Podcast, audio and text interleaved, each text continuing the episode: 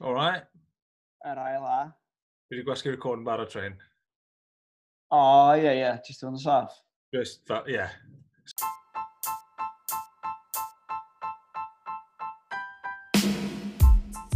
Helo, siwmai a chroeso i rifin newydd ligo, lle ni'n trafod dau dymor o gyngred y pencampwyr a chyngred Europa. Un tymor yn dod i ben gyda rowndiau terfynol i ddod dros y penwthnos, a thîmau Cymru yn dechrau ar eu taith Ewropeaidd nhw yn y tymor newydd. Wnaethon ni gael sgwrs wych dim wrth yn edrych ymlaen at gêm gei cona yn erbyn Sarajevo, ond yn anffodus nes i anghofio gwasgu botwm record. Ni wedi cael sgwrs arall, a gobeithio newch chi gytuno bod yr un yma yn solid 8 allan o 10 hefyd. Mwynhewch! Deja vu, boys. Ni ma am yr ail waith wythnos yma. Uh, sori fawr i chi gyd am i fi beidio wasgu record uh, dydd mawrth. Um, erbyn hyn mae yna cwbl o bethau wedi newid, ond newn ni dal trafod yr un math o bethau. Mae yn uh, gyngred pencampwyr a chyngred Europa dau dymor yn digwydd ar yr un pryd. Um, newn ni ddechrau gyda'r tymor sydd dal yn mynd ar countdown i final Ewrop uh, 2020. Uh, Rodri, ti'n ti, fan o dwrnament mawr fel arfer. Uh, ti fel arfer yn mynd all in yw'r fformat yma gyda'r cyngred pencampwyr yn, yn digwydd mewn un sort of, pethefnos yw'n yna'n plesio? Ydy, mae fe hyd yn hyn. Um, mae safon y gemau wedi bod yn gret a mae tîmau wedi mynd amdani um, am fwyaf. Um, ma, rhaid i chi ennill. Uh, o'n i'n clywed uh, dechrau'r wythnos, o'n i'n gwrando ar podcast arall. Sorry, boys um, amdano yr... Um, oedd ei gyd amdano yr uh, away goal rule, ti'n gwybod? Oh, ie. yeah. A siwr mae hwnna'n effeithio um, two-legged ties yn Ewrop, a mae rhywbeth fel 12 o gemau uh, first legs yn bennu yn nil-nil. Mm. Um, so mae'r ddoi dîm jyst yn hapus i weld beth sy'n digwydd yn yr ail leg. So mae hwn, ma hwnna'n um, rwlo hwnna mas, ty beth. A hyd yn oed os mae fe nil-nil, ti'n mynd cael penalties? Pawb yn joio penalties. Mae'n pawb yn joio penalties. Lot o goals wedi bod, a mae hwnna'n adlywyrchu yn y gemau rhagbrofol sy'n digwydd hefyd, lle Ceicona yn, uh, yn digwydd wrthos yma, na ni fynd nôl at hwnna nes mlaen, ond telor, bydde ti'n licio gweld y fformat ma'n fod yn barhaol rhyw ffordd? Neu le rhyw elfen o beth sy'n digwydd nawr? Ie, uh, yeah, fi'n cytuno gyda Jeff, mae wedi gwneud pethau fwy exciting gan bod um, mae ma popeth yn winner takes all yn yma, does dim hedging your bets a gweld siareithi. Yeah. Um, uh, so joy ni tasau'r tase fformat yn cario ymlaen, ond gyda UEFA a Cash is King, yna me.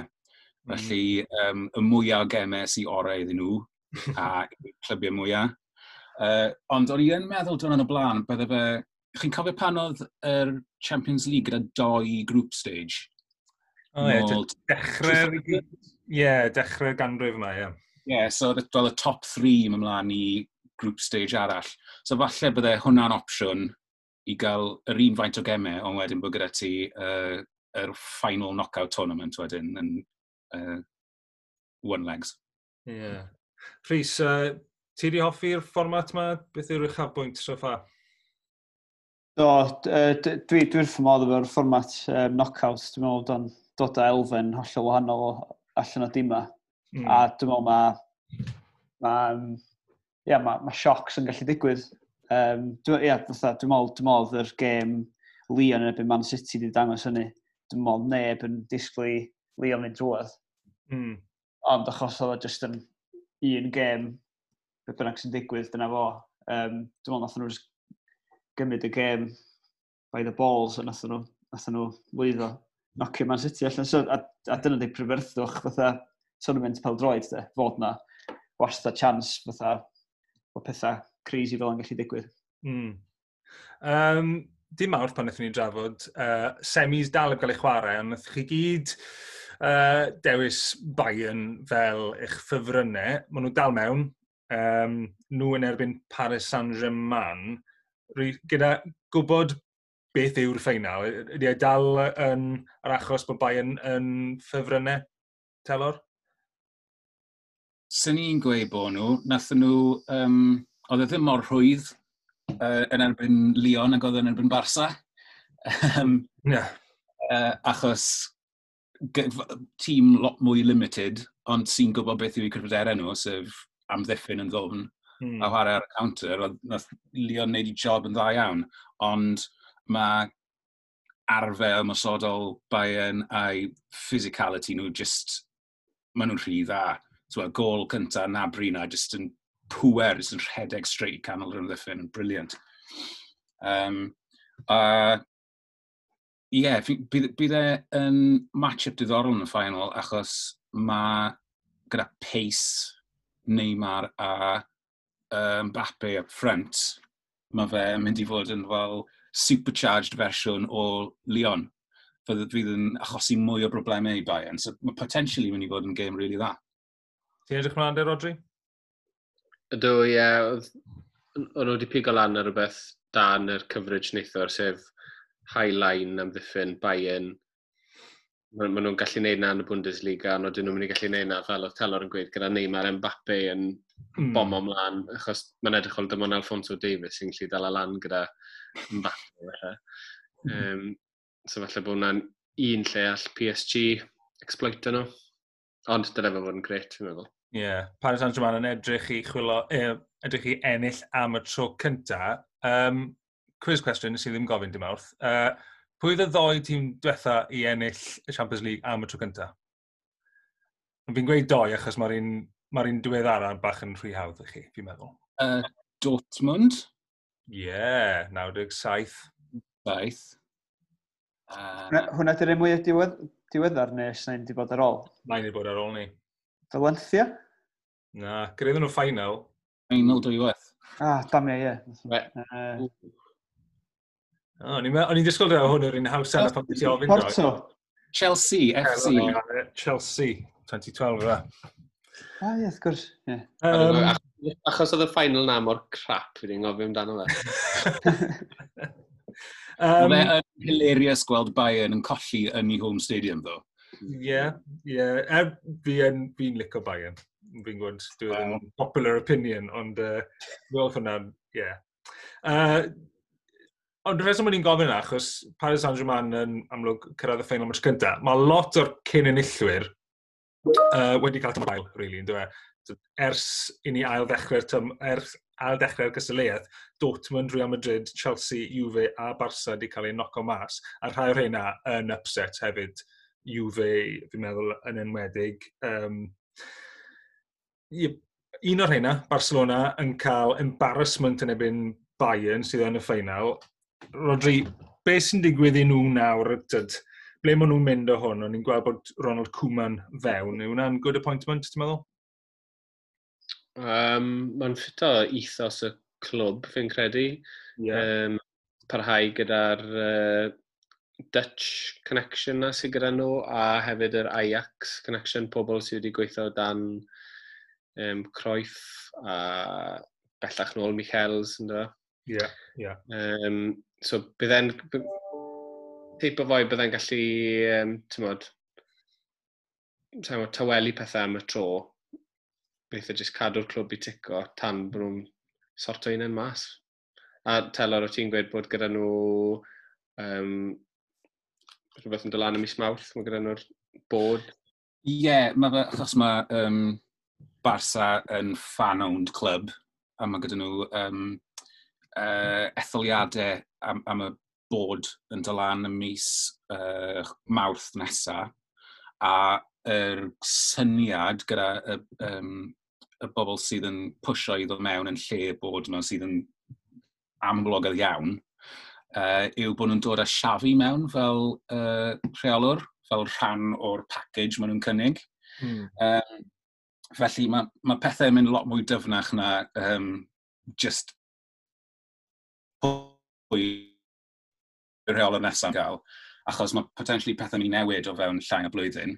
Felly mae'n ddigon posib bod rhywun fel Coleman sydd yn brofiadol, ond eto yn dod o'r bootroom, um, yn stopgap da, Mm. Uh, a mae potentially mae angen wneud gwaith clirio mas yn y tîm na a bod e'n haws i cwma wneud e na siafu. Yr er un stat o'n i'n gweld oedd yn ddiddorol yn wneud y rounds ar Twitter wythnos hyn yw y ffaith bod na tri signing Barcelona 100 miliwn euro a mwy ar y fainc yn, yn ebyn yn y gêm na Bayern a Barca, sef uh, Griezmann, Dembele a Coutinho ar banc Bayern. Ffili cael hyn mewn i sgwad Barcelona. Felly, um, ond mae hwnna'n dangos ynghyd â chwarae ar Sbaen Barcelona ar y ca, sef Busquets, uh, Pique, Messi, Suarez, mae hwnna'n dîm rili really hen. Uh, a maen nhw, ma, nhw heb... Mae'n ma, dangos fel y scattergun approach o'r er uh, players maen nhw wedi cael mewn yn y blynyddoedd diwetha yn hytrach na uh, unrhyw fath o continuation o'r ethos na sydd wedi bod gyda nhw. Chi'n gweld big overhaul dim just, uh, dim just yn rheolwr y newid felly? Ie, yeah, mae ma angen big overhaul, ond achos mae angen rheolwr newydd nawr, ond bod elections yn mis mawrth, mae ma nhw'n cwmpo rhwng dwy stôl Hmm. Oedden nhw wedi gweud felly bod hwn yn just dros dro i'w cwman? Na, wel, o'n nhw eisiau fe mewn, oedd e ar y rhestr fer pan gethon nhw ah. setien mewn. O setien yn fel pedwerydd opsiwn. Ond dechrau'r flwyddyn wrth gwrs oedd Cwman yn mynd â uh, tîm uh, isildiroedd really exciting i'r Euros. Felly nath y droi'n lawr. Hmm. Uh, Rhys, Bayern neu Paris Saint-Germain sy'n mynd â hi? Ai yn gobeithio. Dwi'n meddwl bod neb yma licio Paris Saint-Germain fi lawer. Um, Old money. Wel, y peth, peth mae sgorio lot yn y Bayern, de. Dwi'n meddwl bod nhw'n invincible o bell. Oedd y gem neithio yn y Leon, dangos hynna, oedd gath Leon gyfleoedd di ri cyn i Bayern sgorio. Um, um, nath Memphis Depay fethu Sitter y twcwn, y cambi nath o, hitio post. Mm. Um, so fatha, oedd, dydy amddiffyn Bayern ddim solid, just sgorio mwy mewn o de, wastad. So, mm. um, so yn erbyn, ia, yeah, fel edoedd Telor, efo Naima a Mbappe yn erbyn nhw, dim yn gwybod allu, allu gan nhw draffarth. Um, yeah. Ond ia... Dwi... 50 seconds ar ôl uh, i Tucker Cambi bwrw postyn nath Nabri sgoro, ond, dyfa. E? Exactly, ie. Yeah. Ond, um, os da chi angen, os oes unrhyw dîm yn Ewrop yn mynd i sgorio mwy na pwy bynnag sy'n erbyn nhw, Bayern diwrnod e, so gobeithio fi Bayern jyst yn... E, ella gawn ni rhyw 6-4 thriller neu beth o la. Bydde, ie. Mae ma hwn potentially fod yn ffeinal uh, i'r ache. Uh, Gysylltiaeth arall yn yr Europa League, uh, Telor, yw's posib cael ffeinal sydd yn fwy Europa League na Sevilla yn ebyn Inter? Wel, ie, yeah, a, a mae'r y semi-final hefyd, y Shakhtar Donetsk, maen nhw yn peak Europa League i fi hefyd. Yeah. Um, ond ie, yeah, fel, nag e, dyma un o'r dau tîm mwy allwyddiannus y gystadleuaeth, yn credu? Sneb, wel, sneb i ennill yn mwy na Sevilla, pimp gwaith, a wedyn ni yr unig tîmau, cwbl o tîmau sydd wedi cyrraedd y ffeinal pedwar gwaith, mae Inter un ohonyn nhw wedi ennill teir gwaith a cyrraedd ffeinal uh, a cholli yn 97, ac yn un amser ni, ers i ni gael yn geni ar diwedd yr 80au, dos neb wedi bod mwy llannus o'n nhw. Dyd, full stop, nhw yw'r ddoen mwy llannus. Mm. Um, o Lenny, fi'n credu mae fe'n heiddiannol. Nhw yw'r yeah. doi tîm, yn wedig yn yr, um, yn yr end of season tournament yma, nhw, nhw yw'r ddau dîm sydd wedi bod yn fwyaf cryf, yn fwyaf credigol a, a mwyaf cyson mas o pob un. Hmm. Uh, Rodri, oedd, oedd Telon yn gweud bod Shakhtar hefyd um, oedd yn y semis yn, yn um, Europa League, uh, dod, epitome of Europa League. Yn y semi-final mm. arall, i, tîm arall sy'n epitome of Europa League, uh, Manchester United. Oh. Shwt uh, tymor, shwt diwedd i tymor, tymor gathen nhw yn, yn ei Europa running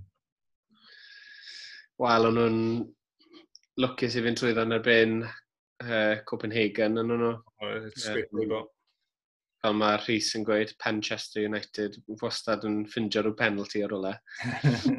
um, a to, gethon nhw gyfnod o fel cwarter awr cyntaf ail hanner yn ebyn Sevilla. Gallen nhw disgwyr o rhyw 5 gol, dylen nhw disgwyr o 5 gol, dylen Martial wedi cael hat-trick. Um, a mae hwnna'n un o'r problemau fi gyda Marshall, ond dim wedi cael tymor da, ond gallai wedi cael tymor amazing. Dyw, dyw uh, finishing a ddim cweith na i fi. Um, a wyt ti'n gallu, mae wastad yn digwydd, ti'n senso fe, os nag wyt ti'n rhoi yr bel yn y net, mae'r tîm arall yn mynd i cael cyfle yna beth ddigwyddodd. Mm. Uh, Luke de Jong o bawb yn popol lan gyda'r uh, gyda gol buddigol. Pwy, pwy ti'n meddwl sy'n mynd i fynd â hi yn y ffeinal yn ebyn nhw yn ebyn Inter Sevilla? na i fynd inter, agos fi'n credu, na i fynd inter jyst achos bod Lukaku yn insane o dda lenni a mae fe lan yn erbyn doi centre a fi'n licio Jules Koundé, mae fe'n dda ond mae fe'n eitha bach, sa'n gwrs bod fe'n gallu handlo um, Lukaku. A wedyn mae'r llall Diego Carlos dyw e ddim wedi profi dim byd lot i fi yn y tournament yma doi elwcad, doi penalty conceded yn yr uh, cwrteri a'r semi. So, gallai Lukaku a Lautaro Martinez cael field day yn y fynd y ddoen fi'n meddwl. Ond hmm. dros y pitch wedyn, mae'n mynd eitha agos yn bod man arall, byddwn ni'n gweud. Ond on Lukaku a, a Martinez yw'r yw gwahaniaeth. Ie. Yeah.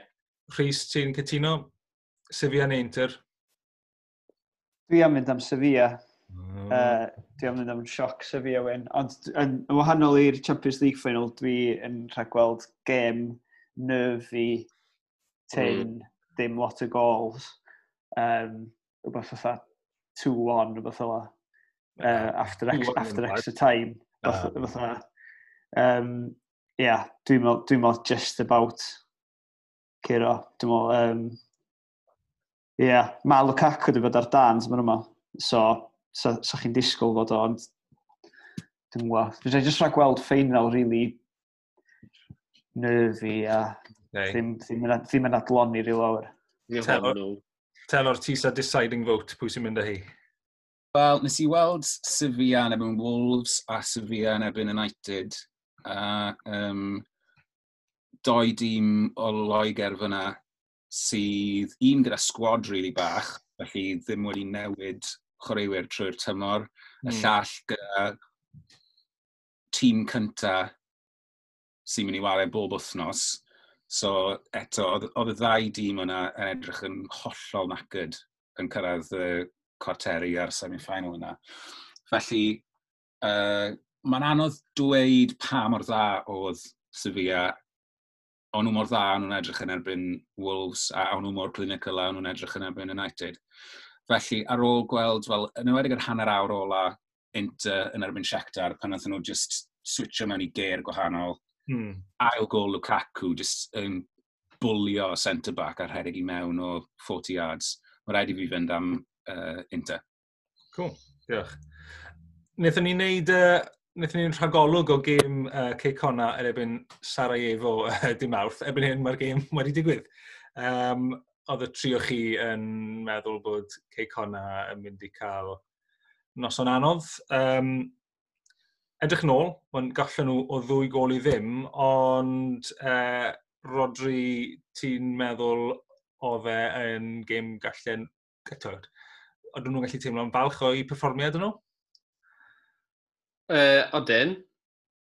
Ta'n meddwl bod Sarajevo yn, oedd Mm. Rhai o, um, wel, dwi'n mynd hyn o'n dacteg, just bo, mentality afiach o mynd lawr yn pob cyffyrddiad bach a acto fel bod nhw wedi torri cos a un boen fel dal ar bel nôl wrth um, Cullen hwnna, Cullen yn grab o'r bel, fe, mynd lawr yn dal ei wyneb e.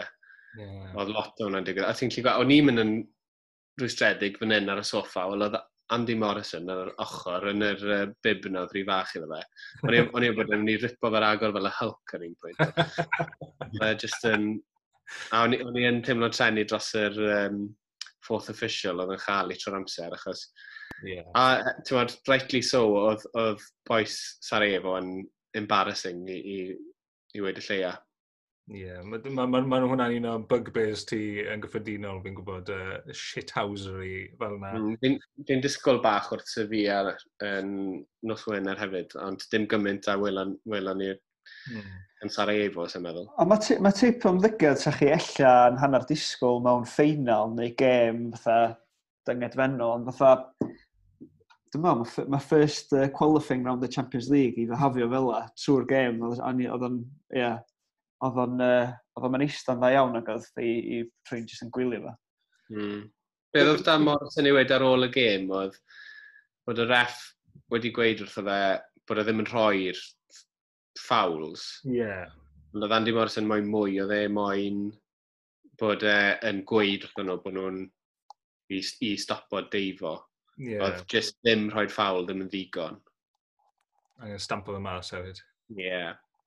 Um, be, be ti'n feddwl o'r gêm yn gyffredinol, Rhys? Achos, really, doi gamgymeriad nath rhoi'r gols i Sarajevo a yeah. nath ceiconau cyfleoedd. Do, um, o'n i'n mynd i ddeud, um, do, ddi ddim yn... Nath Sarajevo ddim cerdded ffwrdd o fi. Um, oedd, oedd ceiconau, dwi'n gwybod sef just uh, nerves o'r lle a, a chwarae'n rhywle. Um, sy'n anghyfarwydd yn nhw, dim yn gwybod, ond, uh, mm. Mm-hmm. yeah, just cock-ups oedden nhw, de. A gafon nhw cwpl o cyfleoedd i... Um, o, na un yn sut, dwi'n cofio pwy fydd fo, ond lle so nhw wedi gallu, so, so, sicr wedi gallu cael un gyfart, gêm gyfartal, lle, um, e, cael un gyfartal, ond um, just dyna oedd o de. Um, Rhaid chi gymryd cyfleoedd chi mewn games fel yma. Yeah. Nwedig os di'r tîm arall yn ynddi fel la. Mae rhaid chi just chwarae... ar Ie, yeah, mae'n ma, anodd, mae rhaid i'r rise above yn oes e. Mae'n Bydden ni jyst mae'n bwta nhw'n gleta.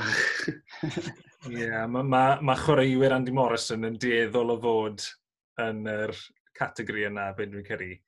Rwy'n fel Jamie Insol yn cyrru un gair byddwn ni'n disgrifio fe, tenacious. Mm. Boes corfforol, maen nhw'n ma nhw Do. cael i ratlo lan ag yno. Nath, nath Danny Holmes cael cwpl o bites ar rhai o chwaraewyr nhw, a fel... Nath, ar un pwynt, oedd wedi fel llorio tri boi, fi'n credu, ar un go. a oedd jyst rhaid i'r ref wrth i lan wedyn. Uh, so maen nhw nawr yn cwmpo i'r Europa League. Telo, ti'n gweld nhw'n mynd yn tyd, ti'n meddwl gallen nhw cael canlyniad yn y rownd nesaf, achos amlwg bod nhw'n chwarae yn erbyn tîm eraill sydd wedi colli ar y rownd ar yr un stage yeah, a, a maen nhw'n colli. I ni'n gwybod pwy maen nhw yn chwarae neu yw'r dro heb gael ei wneud? Na, sy'n gwybod y dro wedi cael ei wneud eto. Yeah. Um, Wel, well, ti'n maen nhw'n maen nhw wastad yn dîm anodd i giro, nhw. Maen nhw'n dîm corfforol, maen nhw'n dîm cryf. Um, I guess fel y gêm hyn, os, os mae rhaid i gymryd y gyfleoedd pan maen nhw'n dod. Uh, mm. A mae fe hefyd yn mynd i ddibynnu, um, ddibynnu ar y dro ble mae'r gêm.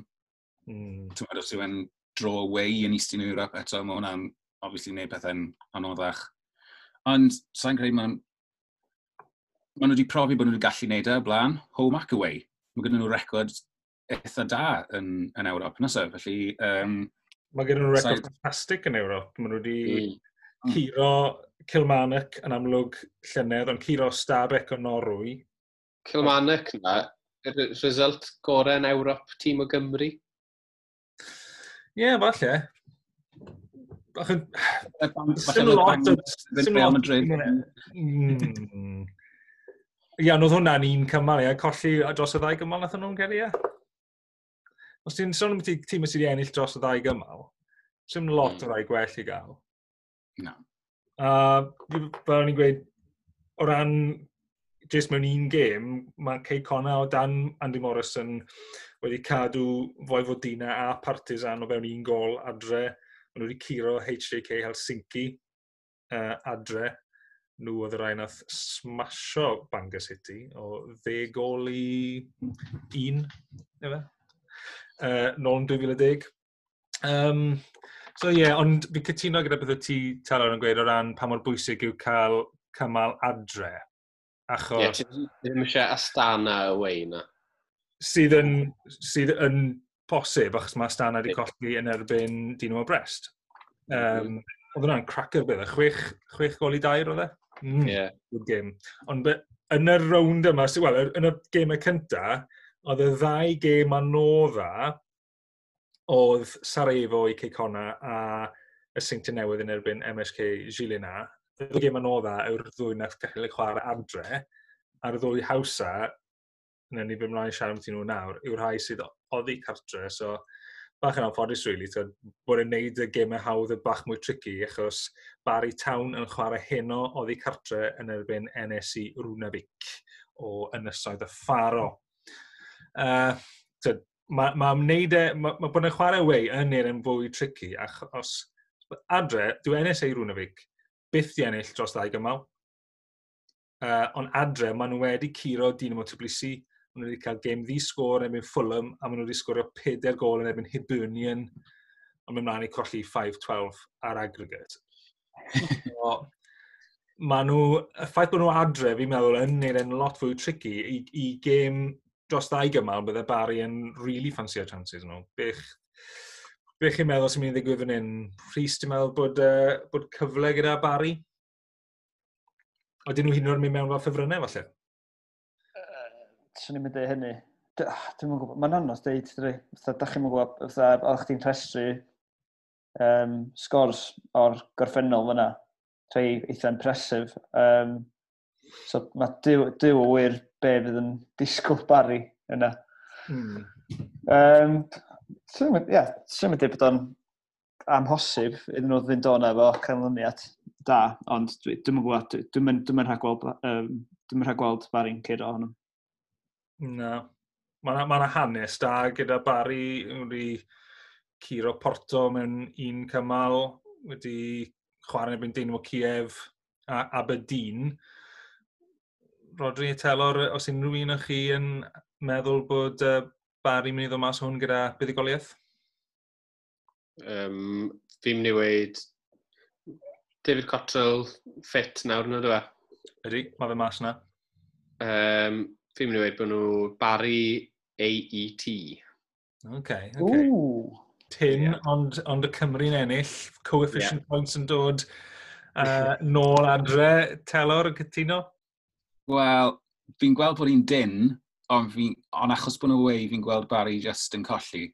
Ond hmm. yn colli mewn golygfa hyfryd ar y yeah. pitch na. And, yeah. Uh, yr, yr, yr fi, fi meddwl falle be, be bydd y, y, y clincher i Rwnafit falle yw i ymasod nhw prif sgoriwr Clement Olsen, sydd prif sgoriwr y gyngred llynedd, ond hefyd prif sgoriwr yn hanes y gyngred yn ynysodd y ffaro. Wedi sgorio 188 gol mewn 297 game iddyn nhw. Hefyd wedi sgorio hat-trick yn erbyn Hibs yn y game na, lle sgorio nhw peder. A wedi sgorio yr unig gol rhyngwladol yn erbyn Sbaen. So, Oh, okay. Yeah, yeah, ond, um, yeah, mae yna ma na gêm yn erbyn Aberdeen yn erbyn yr enillydd, so yn amlwg mae lot o'r cyfnogwyr bari na'n meddwl nôl i'r gêm gyfartal na gathen nhw yn erbyn Aberdeen nôl yn y 90au, ond yn anffodus fi actually meddwl, o'n i'n fwy ffyddiog am Cey Connau cael canlyniad yn erbyn Sarajevo na hwn, actually. Mm. Um, wedyn ni, Os ydyn nhw'n chwarae Aberdeen, mae hwnna'n digwydd wythnos nesaf ar y 7 yr 20 o awst, a dyna pryd hefyd mae Bala a Saint Newydd yn chwarae. Bala yn erbyn oddi cartre yn erbyn Hibernians Malta, nid yr un o uh, Gair Dim record gret gyda Hibernians chwaith, er bod nhw wedi curo Shelbourne a Infonet Tallinn. Um, Maen nhw wedi cael canlyniadau getre Ond wedi curo Maccabi Tel Aviv yn ddiweddar sydd yn tuff. A wedi cael gêm gyfartal 4 gol yr un yn erbyn Sarajevo sydd amlwg newydd giro Ceicona. Unrhyw o beth i bala fan hyn, Rodri? Na, na i weid, na i weid na. Na. Na. Telor? Ie, yeah, mae mae'r ynysoedd yma yn y Caribi wastad yn tuff i, i fynd iddo. Yn y ffwbl yn context, anyway. Um, felly, na. A, a sa'n gweld yn bod yn gêm agos chwaith. O, reit, oce. Okay. Smashad. O, smashad. Ond cyfforddus i'r tîm cadre. Oce. Okay. Uh, Rhys, yn y gêm arall, y seintiau newydd erbyn MSG Gilina. Ma'n nhw adre, ma'n nhw'n rhywbeth. Sgobeth a seintiau. Na, gos ddim yn gwbl. Mae'n mynd i cael absolute pasting.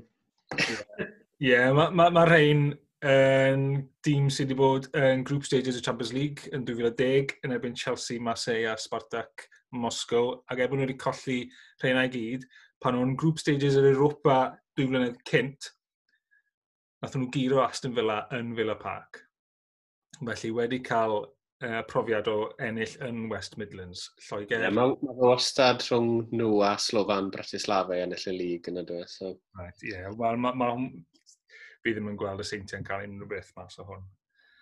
Um, sydd yn golygu, mae hwn yn gallu bod yn flwyddyn eitha gwael i um, coefficient points Cymru os yw'n uh, proffwydoliaethau ni i gyd yn dod yn wir. Mm. Yeah, oh well. Uh, ar y nodyn positif yna, os unrhyw, in any other business, amser ychwanegol, Rodri, bus lan. Wel, i gario ymlaen gyda'r newyddion positif. Um, yn anffodus, mae tri o chwaraewyr mas ei wedi testo'n positif i COVID-19 wythnos ma, gyda uh, Ligan fod dechrau nôl, ni'n recordio yn dydd iau, fod dechrau nôl dydd Gwener, yr uh, unfyd yr ugen. A mas ei fod warau um, ar y nos Wener hefyd yn erbyn Sant Etienne. Gêm na wedi ohyrio nawr yn amlwg. Yeah. Ond um, mae jyst yn profi. Ti'n neb yn gwybod na. Na. Gen lot, lot o stop-start i cyngreiriau sy'n dod nôl byddwn ni'n meddwl. Mm. Fel sydd wedi digwydd Aberdeen, ynddo fe? Wa Celtic. Na, Celtic hefyd, ie. Yeah. Um, un cyngres sydd wedi dechrau dwy gêm fewn yw uh, Belgian Pro League. Uh, er bod e heb chwarae ers, um, well, achos bod e heb chwarae ers uh, pre-season friendlies, mae gyda anafiadau, mae Vincent Company wedi ymddeol o chwarae yn barhaol. So mae fe yn mynd yn llawn swydd uh, i reoli a mae Frankie Facawtron yn cael kick-out uh, o edrych ar, ar y socials. Mae yna lot o gefnogwyr andalecht hapus achos yn amlwg nath nhw fethu mas ar Ewrop am y tro cyntaf erioed uh, tymor diwetha a Facawtron sy'n cael y bai fi'n credu. Tel o'r unrhyw, unrhyw busnes arall? Um, nes i just sylwi dyn nhw'r blaen, fi'n credu achos um, a nath cyhoeddiad ddoe bod Jess Fishlock wedi symud i Reading i oh. gael, i gael um, game time cyn uh, gemau rhyngwladol nesaf, ie? Yeah? Yeah. Dyn ôl o, o anaf.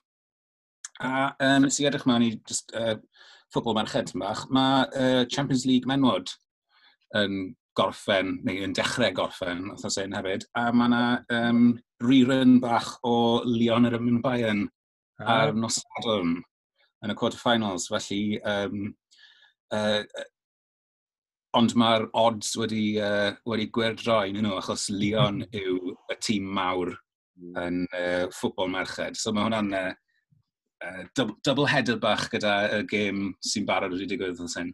Mm. Yw, uh, yw hwnna ar BT Sport? Ydy, maen nhw gyd ar BT Sport, ond am gêm Glasgow City yn erbyn um, Wolfsburg sy'n ar BBC Alba. O, ie. Yeah. Mae mis Awr yn dangos lot o um, pildroed merched, o'n i'n gweld. Mm. Da. Gan gynnwys y Bundesliga, o'n i'n meddwl. Ie. Yeah. Yeah. Do, waw. Um, Rhys i gloi, mae yna un mater arall da ni drafod. Uh, Sports uh, Kit Manufacturers uh, Bangor 1976 T-Jack wedi um, rhyddhau kit oedd ei cartre newydd i Nefyn United. Um, mae fe uh, yn edrych yn reminiscent, falle, na i weid, uh, o kit oedd ei cartre Arsenal o dechrau 90au. Wyt ti'n fan? Rai fydd e'n na, do. Um, dwi, yeah, diolch yn, diolch yn setl dylanwad neu benthyg chwaith na di, neu rhyw owd i, fath mae o'n, mae on flat out rip-off, dydy. Um, unig beth sy'n cysuro fi ydy fod dwi'n rhag gweld fydd gen Bangor 1876 away kit fel la. Felly, na i'n colli cwrs dros y peth. Ond, um, I ddim yeah. orffyddio gati i ri. Dwi, dwi, dwi, honestly, ddim yn gwybod sut maen nhw'n cael get away fi. Na, na fi. Achos gatho nhw bach o... Um, bach o heat am Cris um, Cargybu, do. Uh, Holyhead Town o ddim yn cael ei Holyhead. Town, ie. Yeah. Kit, uh, oedd yn edrych yn to debyg iawn iawn i Chris Lazio, ond yn lle erir yn y canol oedd llong yn oedd e. Oedd ferry, oedd passenger ferry yn y canol yn lle erir oedd. Uh, Telor, beth ti'n meddwl am yr holl... Um, am, achos amlwg, ma, marketing, mae Nefyn United yn mynd i werthu mwy o away kit na maen nhw byth di wneud o plan. Yn siwr, combined hanes nhw, siwr fod. Ie, yeah, well, fi ddim yn fan o un, unrhyw uh, gwmni sydd yn copio uh, artwork yn rhywun arall. Felly, uh, ystym ots pa ffordd rown yw e, os taw cwmni mawr yn dwgyd designs cwmnïau bach neu ffordd arall rownd. Okay. It's, it, not for me, Clive. Not be fi'n fi, fi yw, um, amlwg maen nhw falle mynd i cael mwy o cefnogwr as yn tai sylw iddyn nhw, ond mae gyda fi Kevin Dryd sy'n byw yn Nefyn a sydd yn, sydd yn dilyn nhw, ond sydd hefyd yn Manchester United fans. A to, siwt ah. mae nhw'n mynd i teimlo, gweld i tîm nhw'n gwisgo Arsenal kit, basically. Yr un peth, dod, ah. os mae'n unrhyw Spurs fans mas na yn uh, pen llun, maen nhw'n mynd i fynd straight i uh, dilyn Pwllheli pan maen dod at y Derby yn uh, North Wales Coast West League blwyddyn nesaf na gynnu. A hefyd, uh, sut mae ffrind i ligo uh, Dylan Ebenezer yn teimlo am y Cris? Fi'n fi credu bod e'n fan o beth fi wedi gweld ar Twitter bore yma. Ah, diw wir. Wel, mae unrhyw Arsenal fan yn mynd i ddewis Nefyn United fel real tîm nhw nawr, na gynnal. Mae Johnny from Highbury yn mynd i fod fel... Gwybod lle mae fe'n mynd i fynd ar ei wyliau fe haf nesaf.